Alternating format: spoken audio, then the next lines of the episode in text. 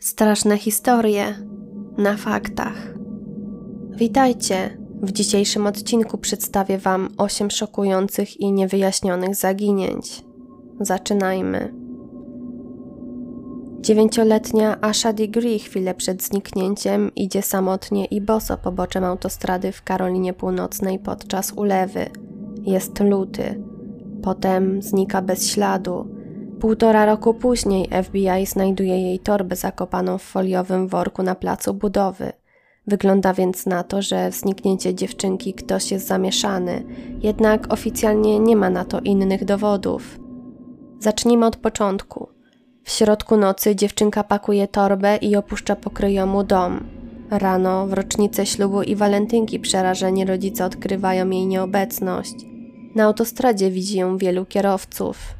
Gdy jedna kobieta zawraca, bo chce pomóc dziewczynce, ta spłoszona ucieka do lasu. Asza nigdy nie zostaje odnaleziona. Chyba jedną z najmłodszych zaginionych jest Sabrina Eisenberg. Miała tylko 5 miesięcy, kiedy zniknęła ze swojej kołyski w 1997 roku. Nie było żadnych świadków, żadnych podejrzanych dźwięków ani żadnych śladów włamania. Sprawa Sabriny wciąż zostaje otwarta. W środku nocy Brandon Lawson dzwoni do brata, by ten mu pomógł, gdyż skończyła mu się benzyna. Mężczyzna był bezradny, bo znajdował się na autostradzie. Wkrótce potem Brandon telefonuje również na policję, twierdząc, że ktoś go gonił aż do lasu. Gdy policja i brat docierają na miejsce, znajdują jedynie porzuconą ciężarówkę, jednak bez śladu mężczyzny. Nagle brat zaginionego otrzymuje telefon, z którego dowiaduje się, że Brandon krwawi i znajduje się 10 minut drogi od pojazdu. To niestety była jego ostatnia wiadomość. Brandon nigdy nie został odnaleziony. W 1995 roku Heather Teague obalała się przy rzece Ohio w stanie Indiana. Nie wiedziała, że ktoś ją obserwuje, przez teleskop podglądają pewien facet, choć oficjalna wersja była taka, że podziwiał plażę. Nagle mężczyzna widzi, jak z lasu wychodzi jakiś nieznajomy, łapie za włosy Heather i zaciąga ją za rośla. Podglądacz przypadkowo staje się świadkiem uprowadzenia. Niestety, pomimo tego, Heather nigdy nie odnaleziono. Prawdopodobnie padła ofiarą mordercy Christophera Billowa, gdyż ten wiele lat później przyznał się do jej zastrzelenia. W 1968 roku w Karolinie Południowej doszło do uprowadzenia czteroletniej Jessiki Giteres z jej własnego łóżka. Jej siostra, sześcioletnia Becky, powiedziała władzom, że siostrę zabrał mężczyzna z brodą ubrany w magiczną czapkę.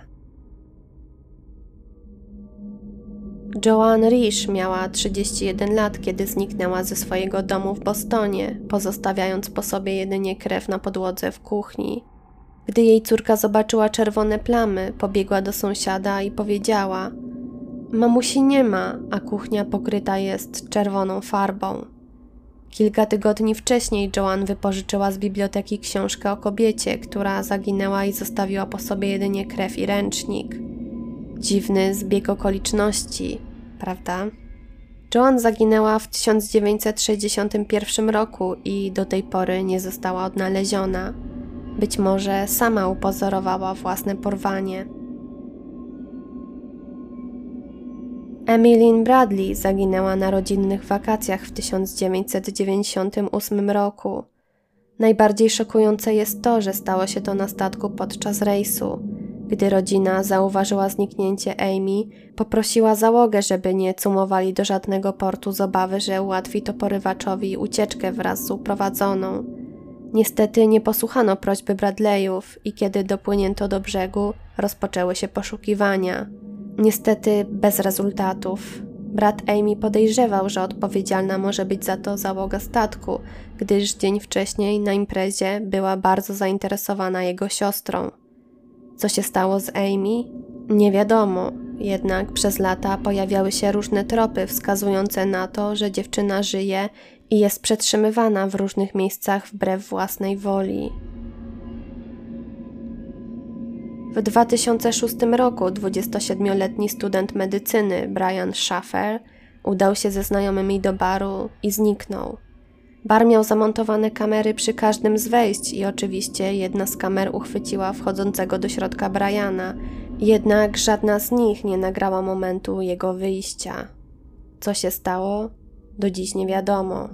Bar zamykano o drugiej w nocy, a o pierwszej 55 kamery zarejestrowały Briana rozmawiającego krótko z dwiema kobietami, z którymi zaraz się pożegnał i wrócił w kierunku baru. Kilka minut później, gdy wszyscy klienci wychodzą, Brian rozpływa się w powietrzu. Bar nie posiadał tylnego wyjścia, więc mężczyzna nie mógł się przez nie niepostrzeżenie wymknąć. Z kolei przy schodach wyjściowych stało dwóch ochroniarzy. Macie jakieś pomysły, co mogło się stać z Brianem? Na dziś to już wszystkie historie. Która według Was jest najbardziej niepokojąca? Dajcie znać w komentarzach. Napiszcie mi również, czy chcielibyście podobne odcinki. Tymczasem ja się z Wami już żegnam. Zapraszam na moje media społecznościowe, w szczególności Instagrama, gdzie wrzucam prócz zdjęć info odnośnie odcinków i nie tylko. Do usłyszenia w kolejnym odcinku.